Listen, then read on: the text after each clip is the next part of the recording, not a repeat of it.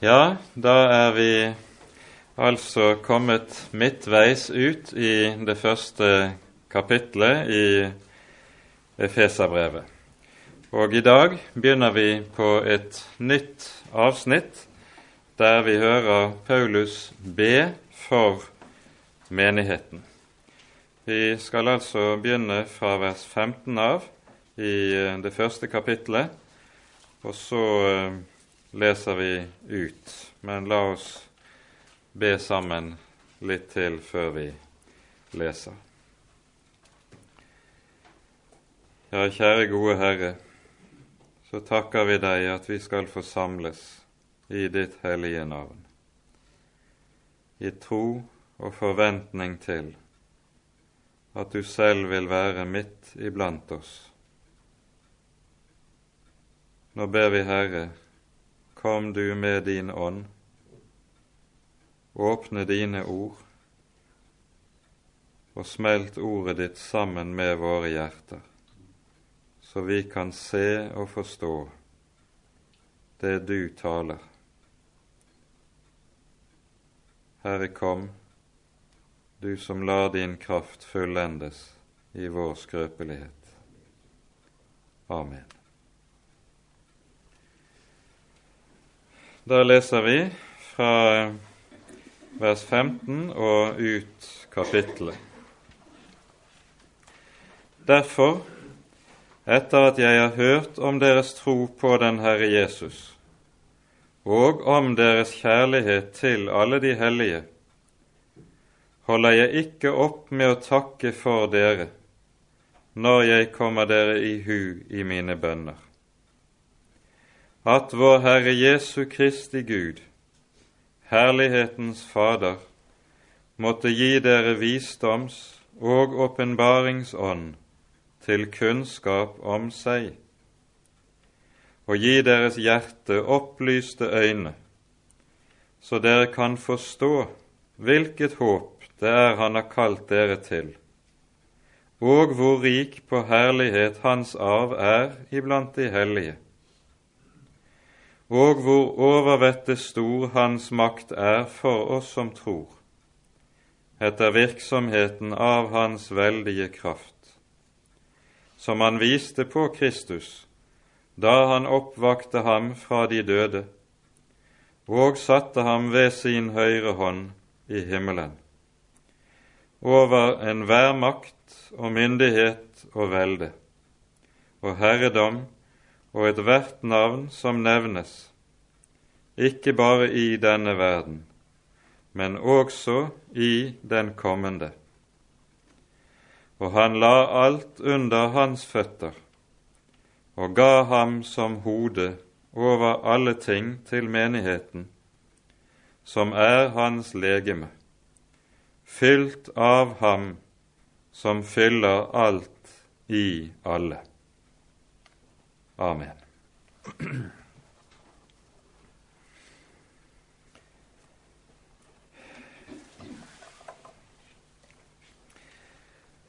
Det er på mange måter slik når det gjelder dette første kapittelet i Efeserbrevet, at her taler på en måte Paulus ikke til efeserne men han taler til Gud.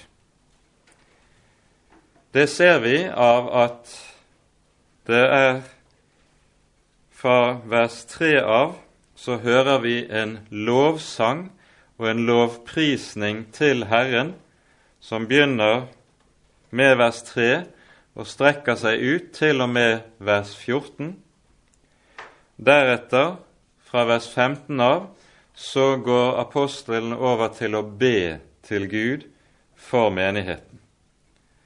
Så på mange måter er det slik at her hører vi apostelen tilbe og be i disse to halvdelene av kapittelet.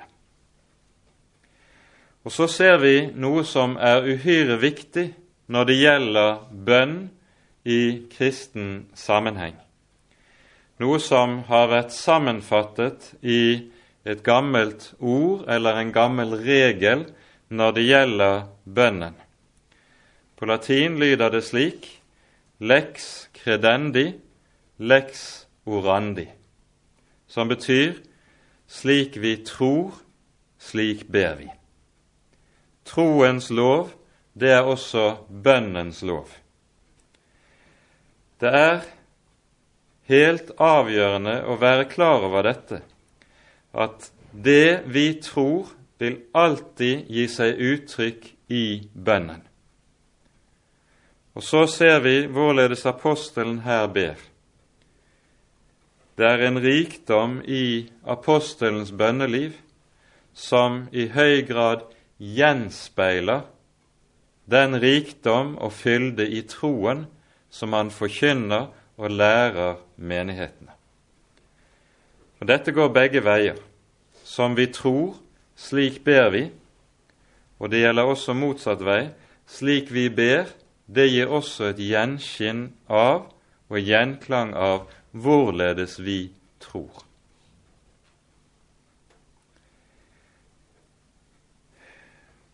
Så hører vi da altså i vårt avsnitt i dag at apostelen ber for menigheten. Og han sier sågar i det 16. verset at han ikke holder opp med. Han stadig takker og lover Gud for menigheten. Han stadig også ber for menigheten.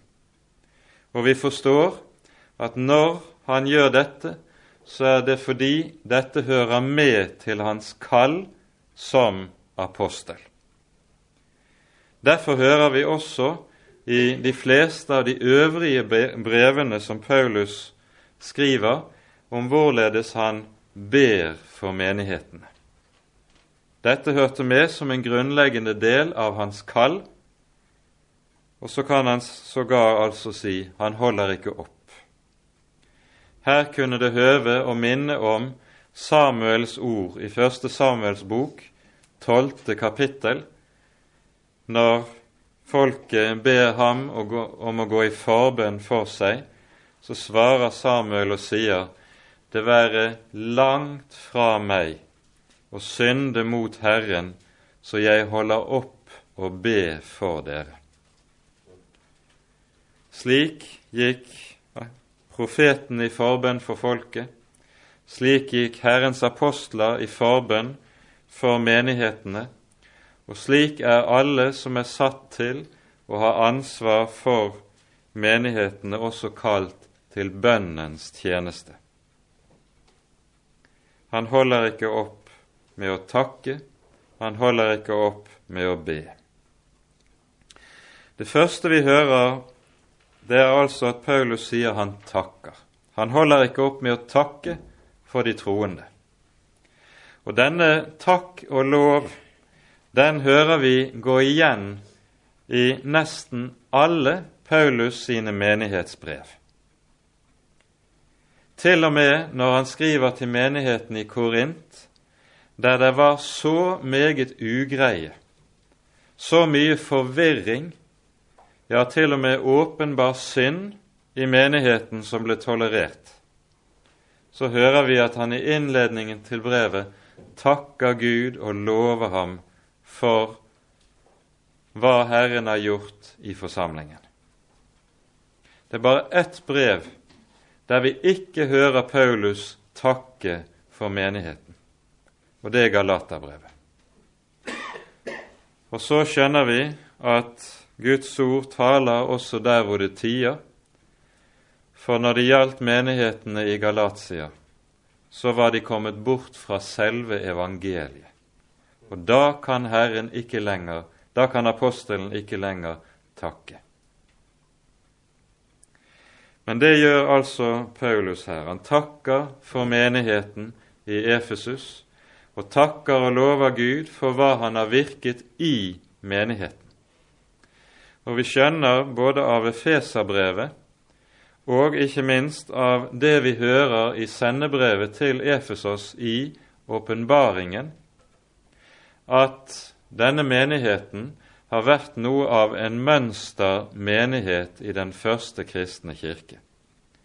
Det var en menighet der de eldste, de som sto for ledelsen, sørget for å lede menigheten med visdom og forstand og i tråd med evangeliet, slik at menigheten her unngikk meget både av den forvirring og uro og mye av den ugreie som vi f.eks. hører om i Efesos. Men selv der hvor det altså kan være en mønstermenighet, har man ingen garanti for at det skal forbli på det vis.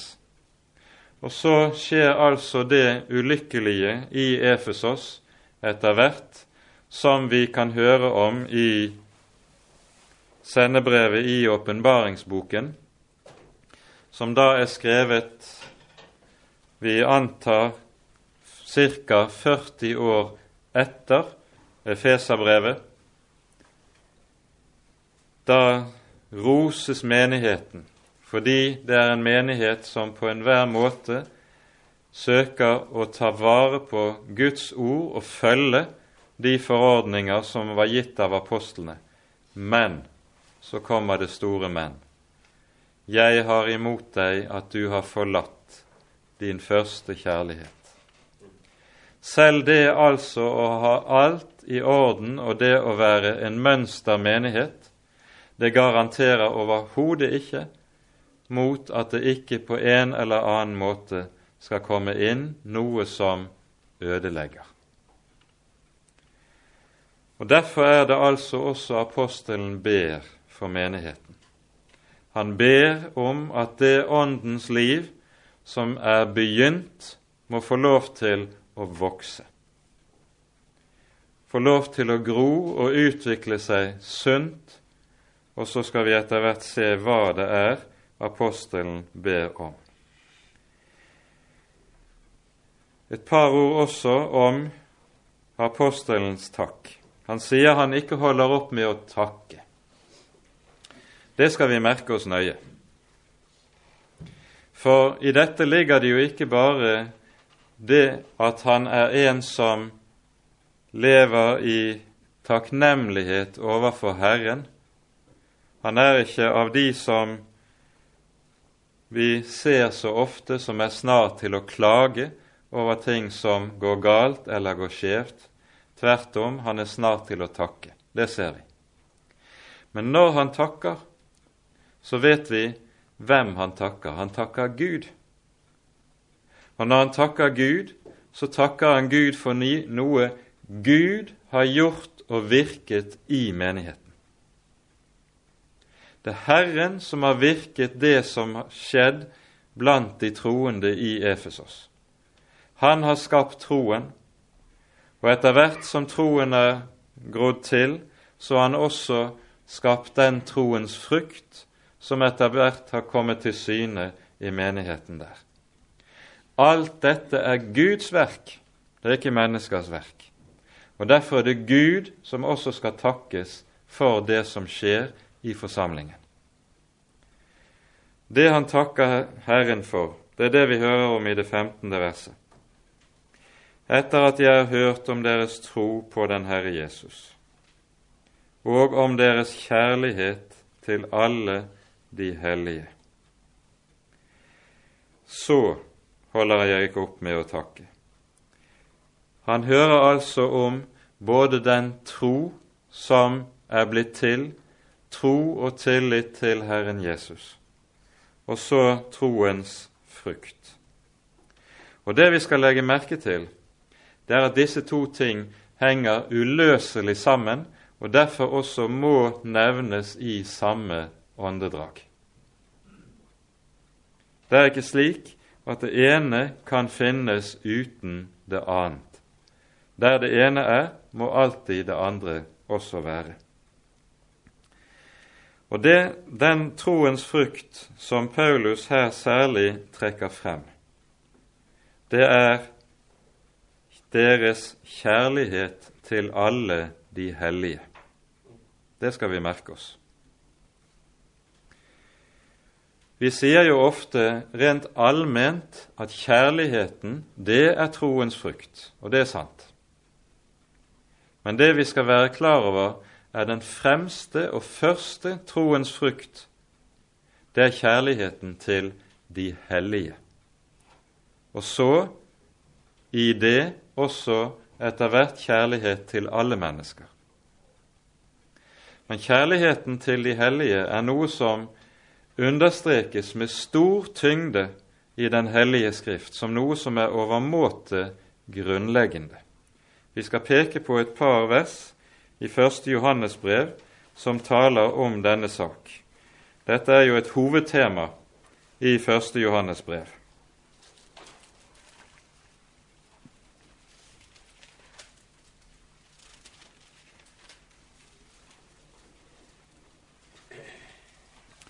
Her leser vi først slik i vers 3 i det første kapittelet.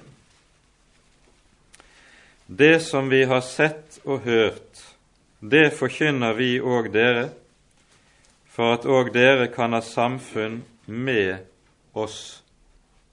Men vårt samfunn er med Faderen og med Hans Sønn Jesus Kristus.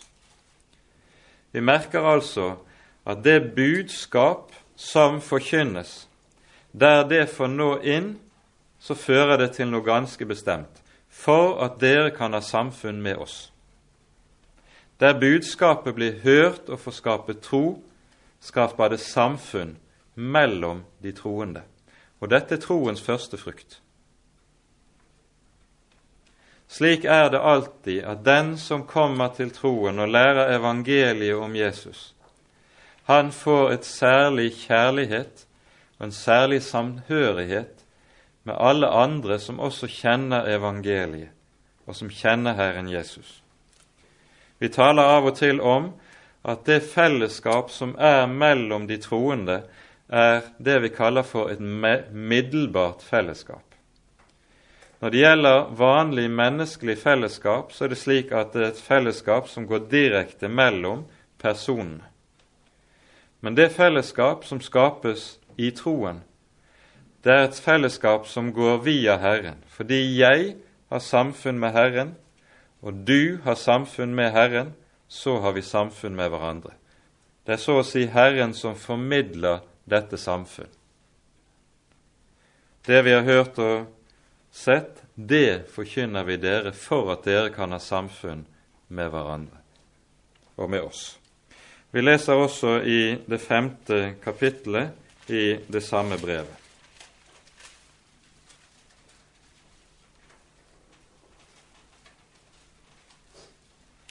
Her står det sånn i det første verset. Hver den som tror at Jesus er Kristus, han er født av Gud. Og hver den som elsker Faderen, elsker også den som er født av ham. Bokstavelig står det egentlig i grunnteksten hver den som elsker Han som føder, elsker også den som er født av ham. Kjærligheten til de hellige, det er troens første frukt. Merk det.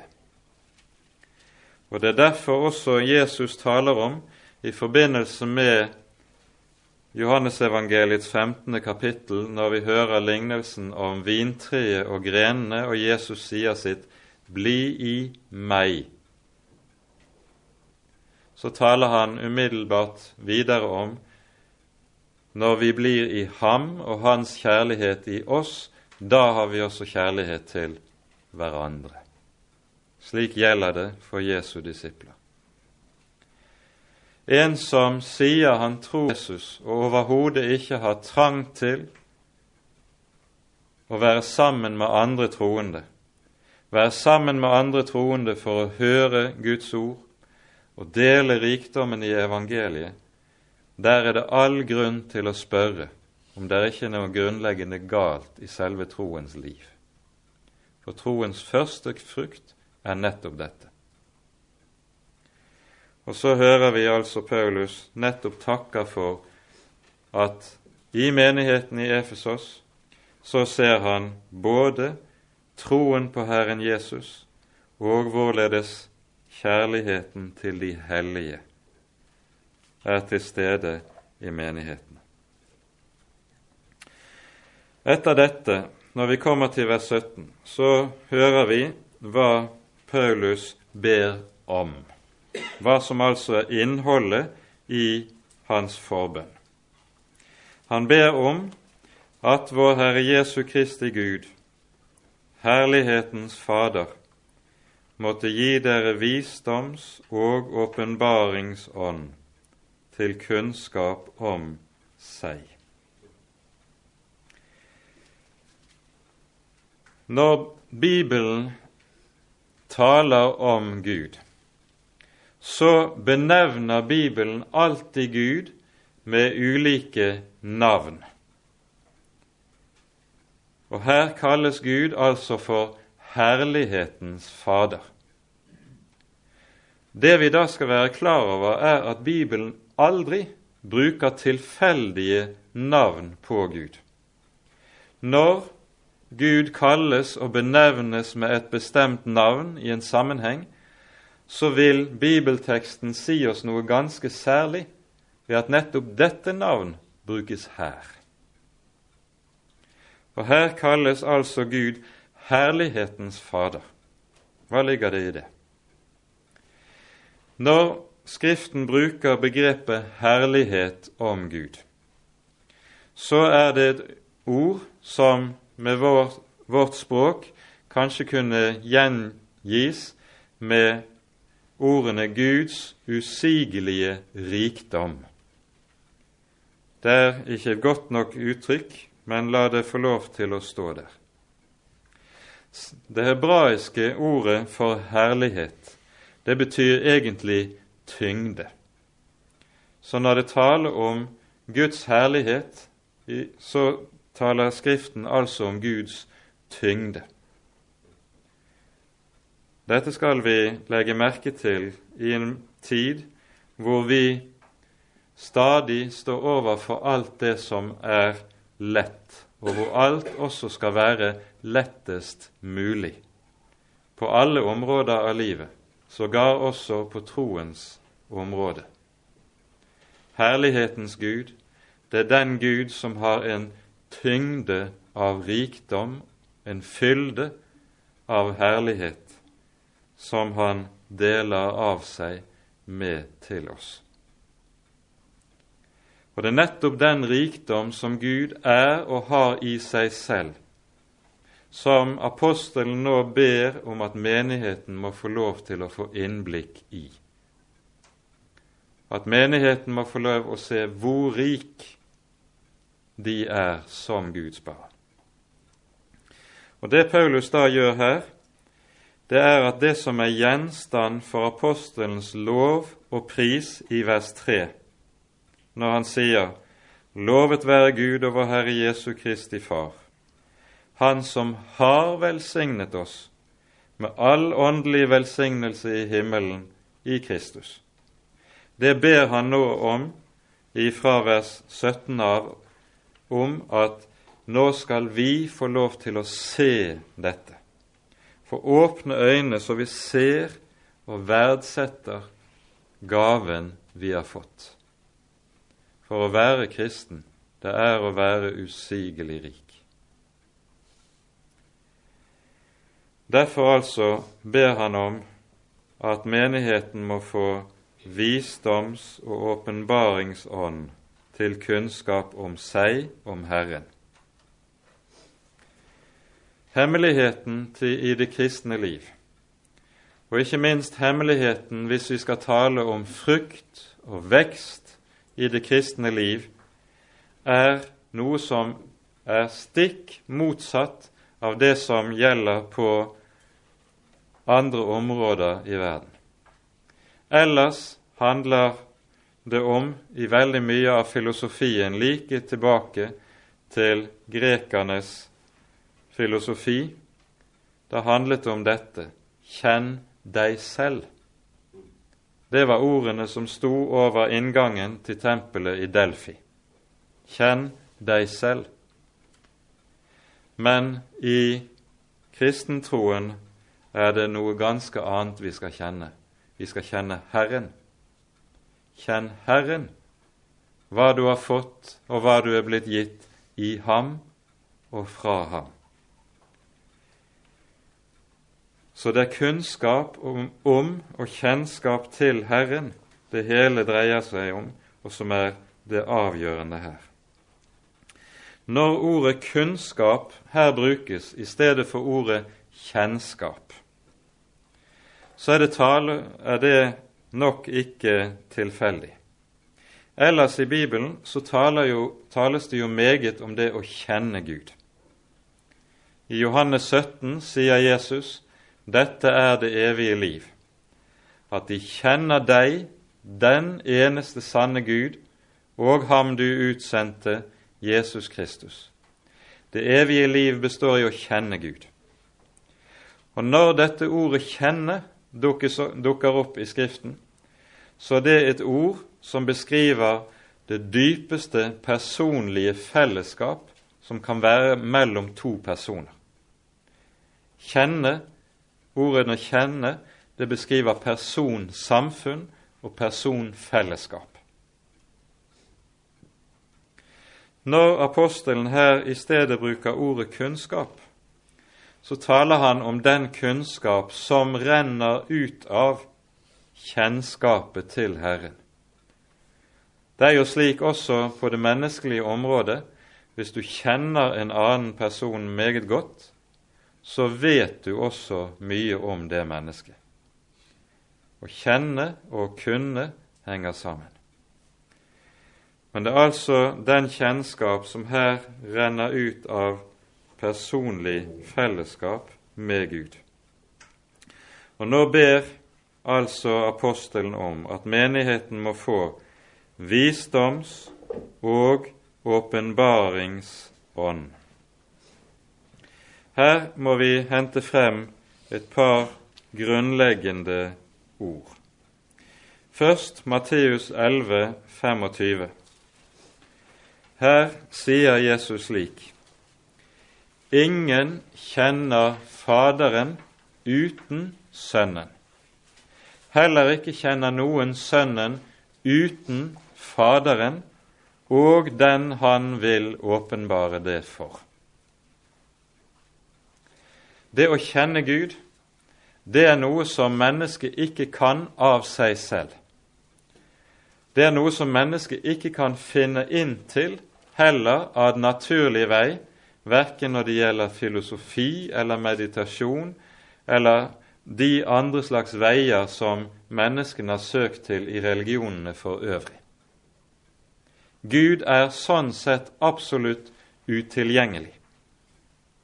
Ingen kjenner Faderen, ingen kjenner Sønnen, uten den Han vil åpenbare det for. For at vi skal kjenne Gud, så må det åpenbaring til. Og åpenbaring, det vil si at Gud kommer til oss og gir seg selv til kjenne. Gud kommer til oss og trer frem fra det skjulte. Det er åpenbaring. Og så tales det her om åpenbaringens ånd. Og her er, har vi et veldig viktig vers i 1. Korinterbrevs 2. kapittel, hvor apostelen taler om Den hellige ånd og hans virke.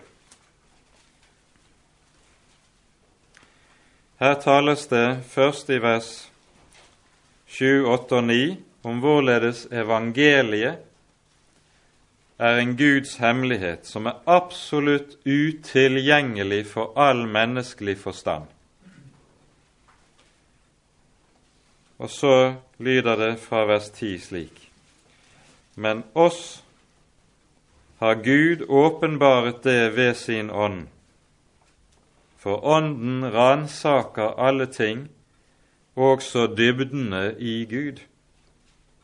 For hvem iblant mennesket vet hva som bor i mennesket, uten menneskets ånd som er i ham? Således vet heller ingen hva som bor i Gud, uten Guds ånd. Og så kommer det:" Men vi har ikke fått verdens ånd. Vi har fått den ånd som er av Gud, for at vi skal kjenne det som er oss gitt av Gud. Den ånd som ransaker dybdene i Gud, det er den ånd vi som Guds barn får del i. Og så ber apostelen om at vi skal få stadig mer, og at Ånden stadig mer skal få gjøre denne åpenbarende gjerning hos oss til å kjenne Herren. Visdoms- og åpenbaringsånd til kunnskap om seg.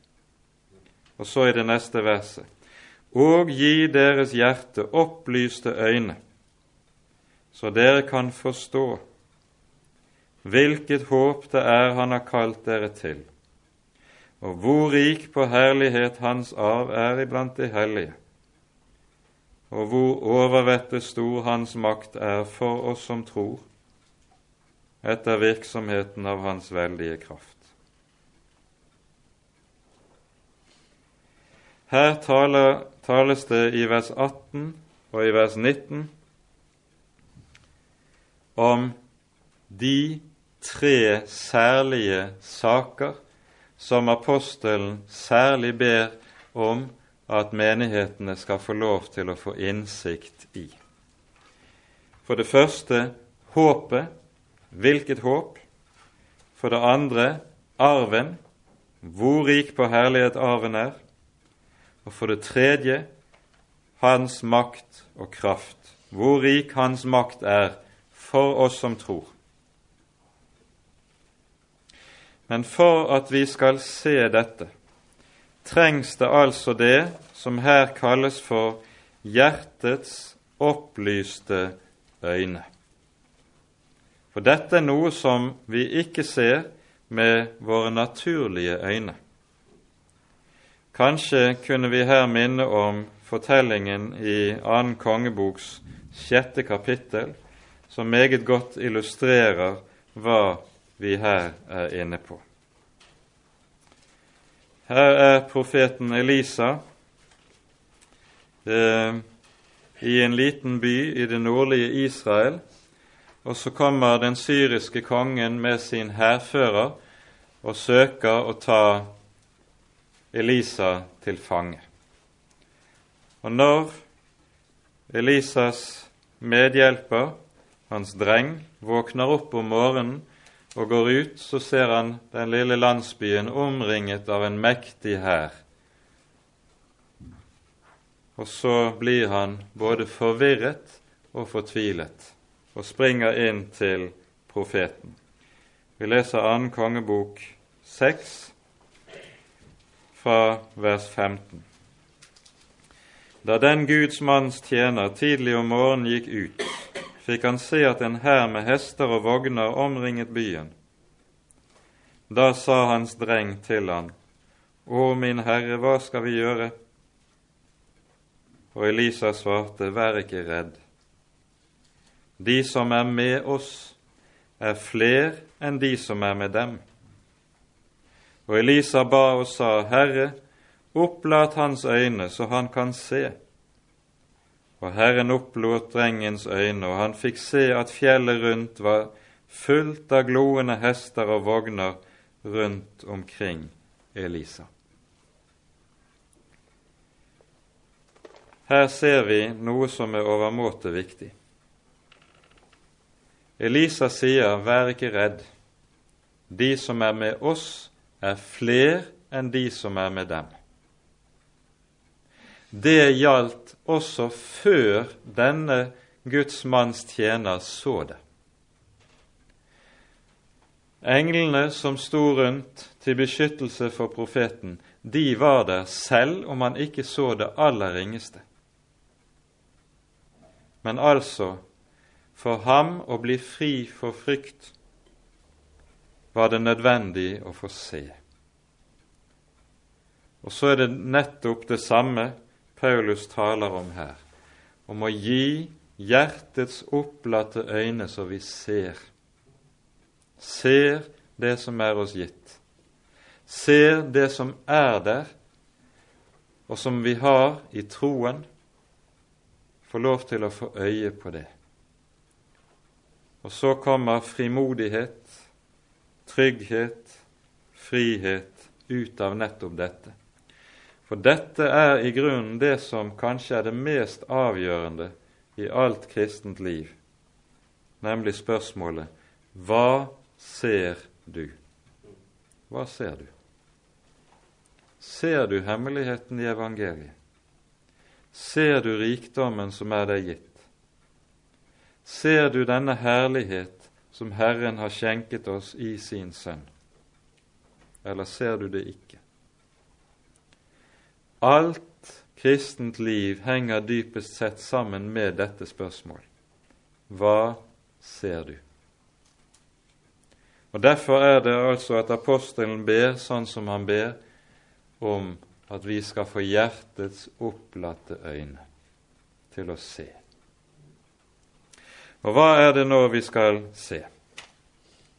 Nå kommer altså dette som apostelen lister opp i de, de tre punktene. Først altså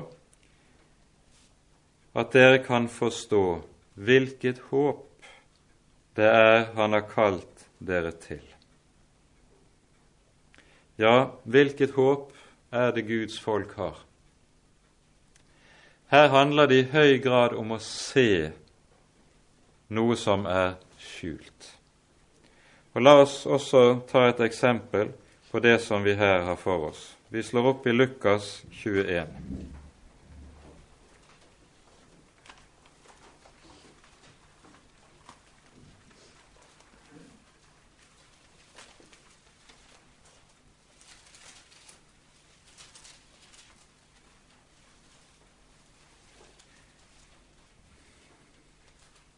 Vi leser fra vers 25. Der skal skje tegn i sol og måne og stjerner, og på jorden skal folkene engstes i fortvilelse når hav og brenninger bruser, mens menneskene faller i avmakt av redsel og gru for det som kommer over jorderiket, for himmelens krefter skal rokkes. Og da skal de se menneskesønnen komme i skyen med kraft og megen herlighet. Men når dette begynner å skje, da rett dere opp og løft deres hoder, for deres forløsning stunder til. Her hører vi om at etter hvert som historien skrider mot sin avslutning, så kommer verden etter hvert til å gå fullstendig i oppløsning. Og så står det om nettopp dette folkene skjelver i avmakt og redsel over det som kommer over jorderiket. Men når det gjelder Guds folk, hva sies det om dem? Da rett dere opp, løft deres hoder, deres forløsningsstunder til. Hvorfor kan det sies? Det er noen som har et håp som bærer når alt annet rakner, og når alt annet faller. Og så har de fått øye til å se nettopp det håp. Vi pleier jo ofte å si sånn populært at så lenge det er liv, er det håp. Men det som gjelder Guds folk, er jo nettopp at de har et håp som også står like klart, lyser like sterkt, også når livet forgår, også når verden forgår. Dere skal forstå hvilket håp det er Han har kalt dere til. Det er et håp som er et levende håp. Det er ikke som de håp som menneskene lager seg når de drømmer om en bedre verden. Alle slike drømmer synker i grus. Men her er det et håp som Han som skaper liv av døde, har gitt. Og så kan det lyde:" Når dere ser dette skje, da løft deres hoder. Det er de som ser og som har hjertets opplatte øyne, som kan løfte sitt hode. I slike tider handler det å overleve som et Guds barn om nettopp dette spørsmålet. Hva ser du? Hva ser du? Det neste han ber om når det gjelder menighetene, det er at de må se hvor, rikelig på, hvor rik på herlighet hans arv er iblant de hellige. Den rikdom som ligger i arven vi har fått, den er jo beskrevet kompakt i dette ordet i Romane 8. Han som ikke sparte sin egen sønn, men ga ham for oss alle. Hvorledes skulle han kunne gi oss alle ting med ham? Alt Jesus eier, det eier vi. Alt Jesus har, det har vi. Alt hva Jesus har vunnet, det har han vunnet for oss. Slik at det som gjelder Jesus, det gjelder også deg, så sant du er et Guds barn. Og dette som vi her taler om, det er en arv som er uforgjengelig. Og Da må vi lese fra 1. Peters brevs første kapittel.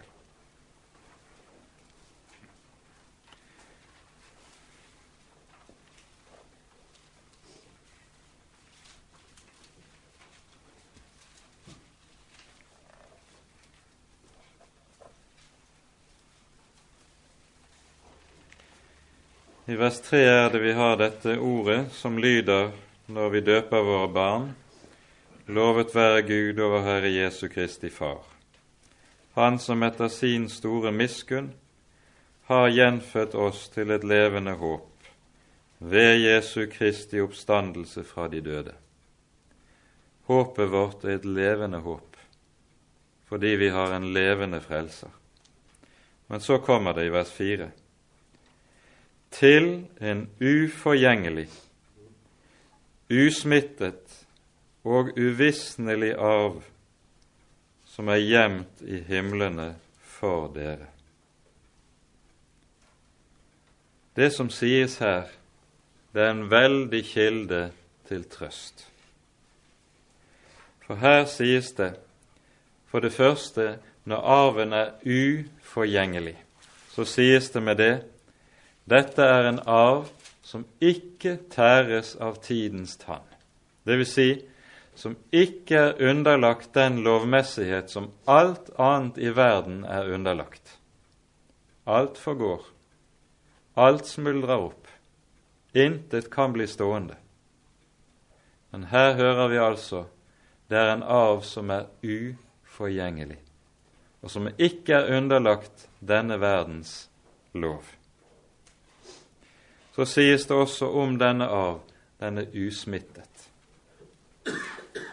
Og i det ligger det en veldig gave, fordi det jo er slik at noe av det som er kanskje den aller største nød for oss som kristne, det er all den synd vi gjør oss skyldig i, også etter at vi er blitt Guds barn og er blitt troende. Og så kan det lett snike seg inn at slik som jeg steller meg, så må jeg etter hvert både tære på arven og ødelegge arven. Men her sies det arven er usmittet. Arven kan ikke skitnes til eller ødelegges av mine fall, av min svikt, av mine, hvordan jeg snubler meg gjennom kristenlivet. Arven er like ren like vakker og like hellig fordi den Herre Jesus tar vare på den. Og den er uvisnelig. Det vil si, den bærer i seg den friskhet som er evig. Derfor er det jo også slik at når himmelen skildres i åpenbaringsboken, så skildres den i form av en evig vår. Og våren er jo nettopp det som er preget av at alt er friskt, alt er nytt, alt er vakkert når det spirer frem på ny. Og så skal det likesom stadig bevare denne friskhet. Hvor rik på herlighet hans arv er iblant de hellige, hører vi. Å få lov til å se dette, det er sannelig en kilde til trøst og i frimodighet. Ingen av mine synder kan ødelegge arven. Og så til slutt hvor overvettet stor Hans makt er for oss som tror, etter virksomheten av Hans veldige kraft. Det første vi skal merke oss med det siste verset, det er at det også kan oversettes litt annerledes, nemlig slik det er tale om at vi som tror etter virksomheten av Hans veldige kraft. Det vil si, troen er et resultat av Hans veldige krafts gjerning.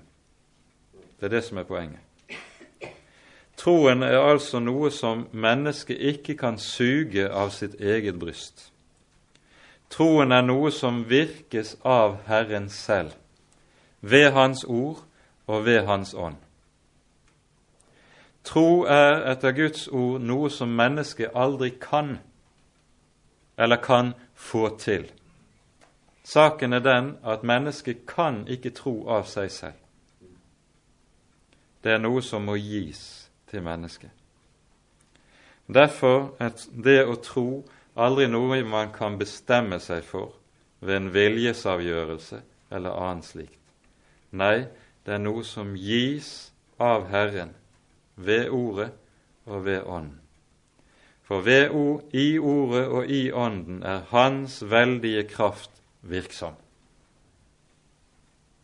Det er det som sies i innledningen til Romerbrevet, der disse ordene lyder Evangeliet er en Guds kraft til frelse.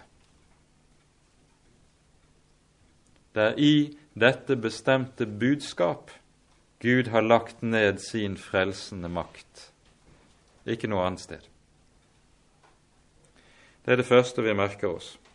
Det annet vi skal se litt på, det er altså det som sies hvor overvettet stor Hans makt er for oss som tror. To ting må vi peke på når det gjelder dette. For det første når vi hører ordene makt og kraft, så forbinder vi de mest forskjellige ting med dette, disse ordene.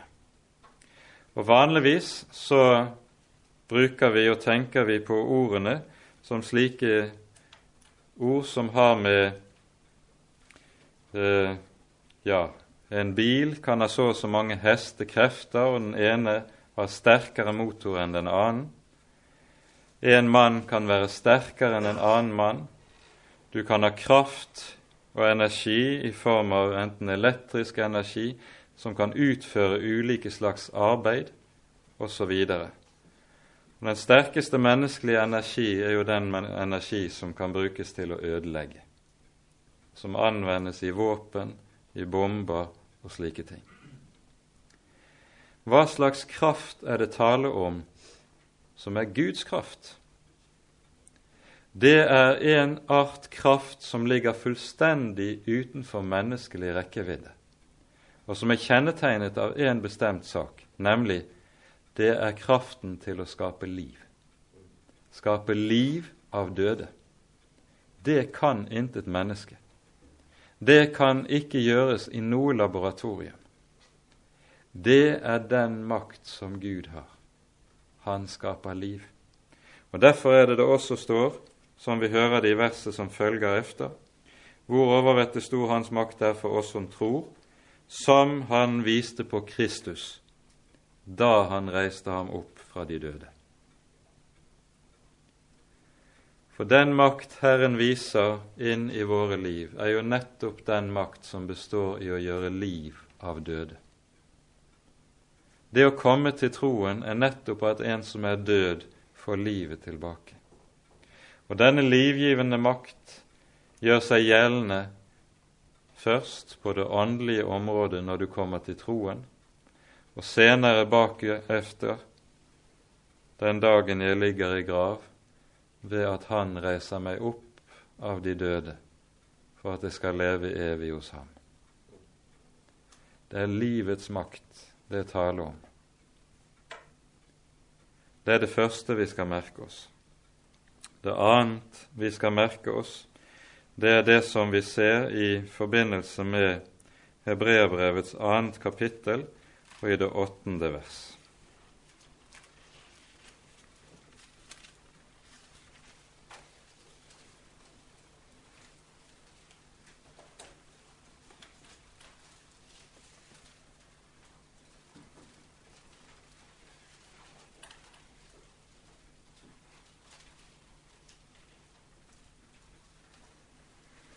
Her står det slik Alle ting la du Gud under hans føtter. Det er altså under Sønnens føtter alle ting blir lagt.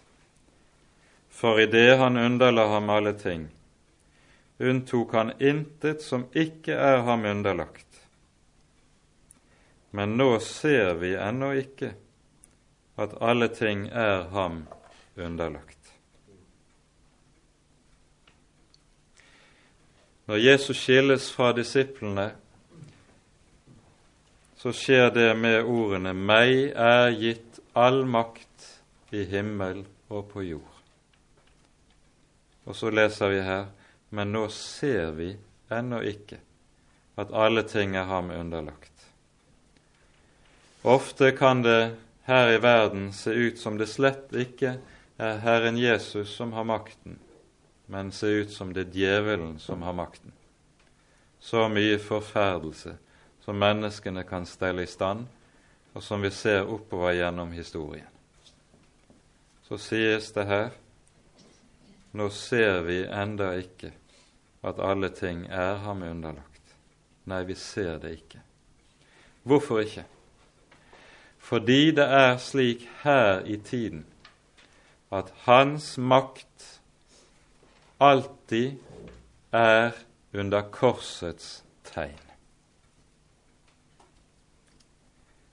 Det vil si, helt konkret, at det er i Hans rike aldri tale om ytre makt og ytre herlighet, men noe som etter våre måter å tenke på fortoner seg stikk motsatt. Det er det vi ser aller klarest nettopp når Herren Jesus lider døden på korset. I, i 1. Korinterbrevs første kapittel tales det om dette. Ordet om korset er vel en dårskap for dem som går fortapt, men for oss som blir frelst, er det en Guds kraft. Hva var ordet om korset?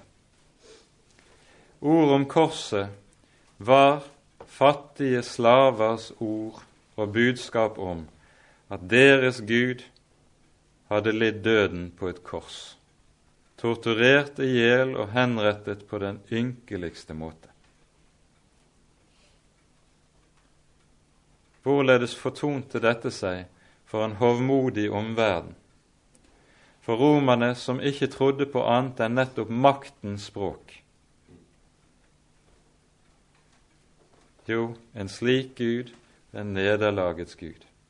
En slik Gud er en Gud som viser hvor svak han egentlig er. Sånne guder kan man ikke tro på.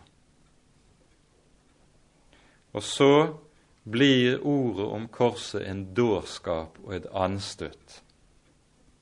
For de sterke og de mektige, de kunne ikke tro på noe sånt. De ville ha sterke guder. Men saken er jo den at nettopp på dette kors er det Herren i sin allmakt overvinner all synd. I sin allmakt overvinner døden og djevelen. men det ser for det ytre øyet og det menneskelige øyet ut som det totale nederlag. Nå ser vi enda ikke at alle ting er ham underlagt. Hans makt og hans kraft åpenbares her i tiden alltid under korsets tegn. Det skal vi være klar over. Derfor er det også slik som vi hører det i vers 25 i det samme kapittelet. For Guds dårskap er visere enn menneskene, og Guds svakhet er sterkere enn menneskene. Hvem er det som så? Så at her var synd og død og djevel overvunnet. Ikke de sterke, ikke de mektige i verden, ikke de som hadde det og kunne det og behersket alt. Men det var noen fattige syndere som så hemmeligheten, og som sammen med apostelen Johannes senere kan si:" Vi så Hans herlighet, en herlighet som den en enbåren sønn har fra sin Fader, full av nåde og sannhet. Det var ikke en ytre herlighet. Det var ikke en herlighet som du kan se med dine fysiske øyne, men som like fullt er der for troen. Hva ser du? Det er spørsmålet. Og så er det at vi også må tenke som så at slik apostelen ber, ber for menigheten i Efesos, slik trenger vi å be for hverandre. Om at det sanne, de samme sannheter og det samme lys må få lov til å skinne hos oss. For ser vi, ser vi ham, så blir vi bevart. Ser vi Hans herlighet slik, så gjelder det som vi hører i 2. Korinterbrevs tredje kapittel, siste vers, der det står Men vi som med utildekket åsyn skuer Herrens herlighet som i et speil, vi blir alle forvandlet til det samme bildet, fra herlighet til herlighet, som av Herrens ånd. Det er helliggjørelse. Helliggjørelse springer nemlig ut av dette. Hva ser du? Amen. Ære være Faderen og Sønnen og Den hellige ånd, som var og er og være skal, en sann Gud, høylovet i evighet. Amen.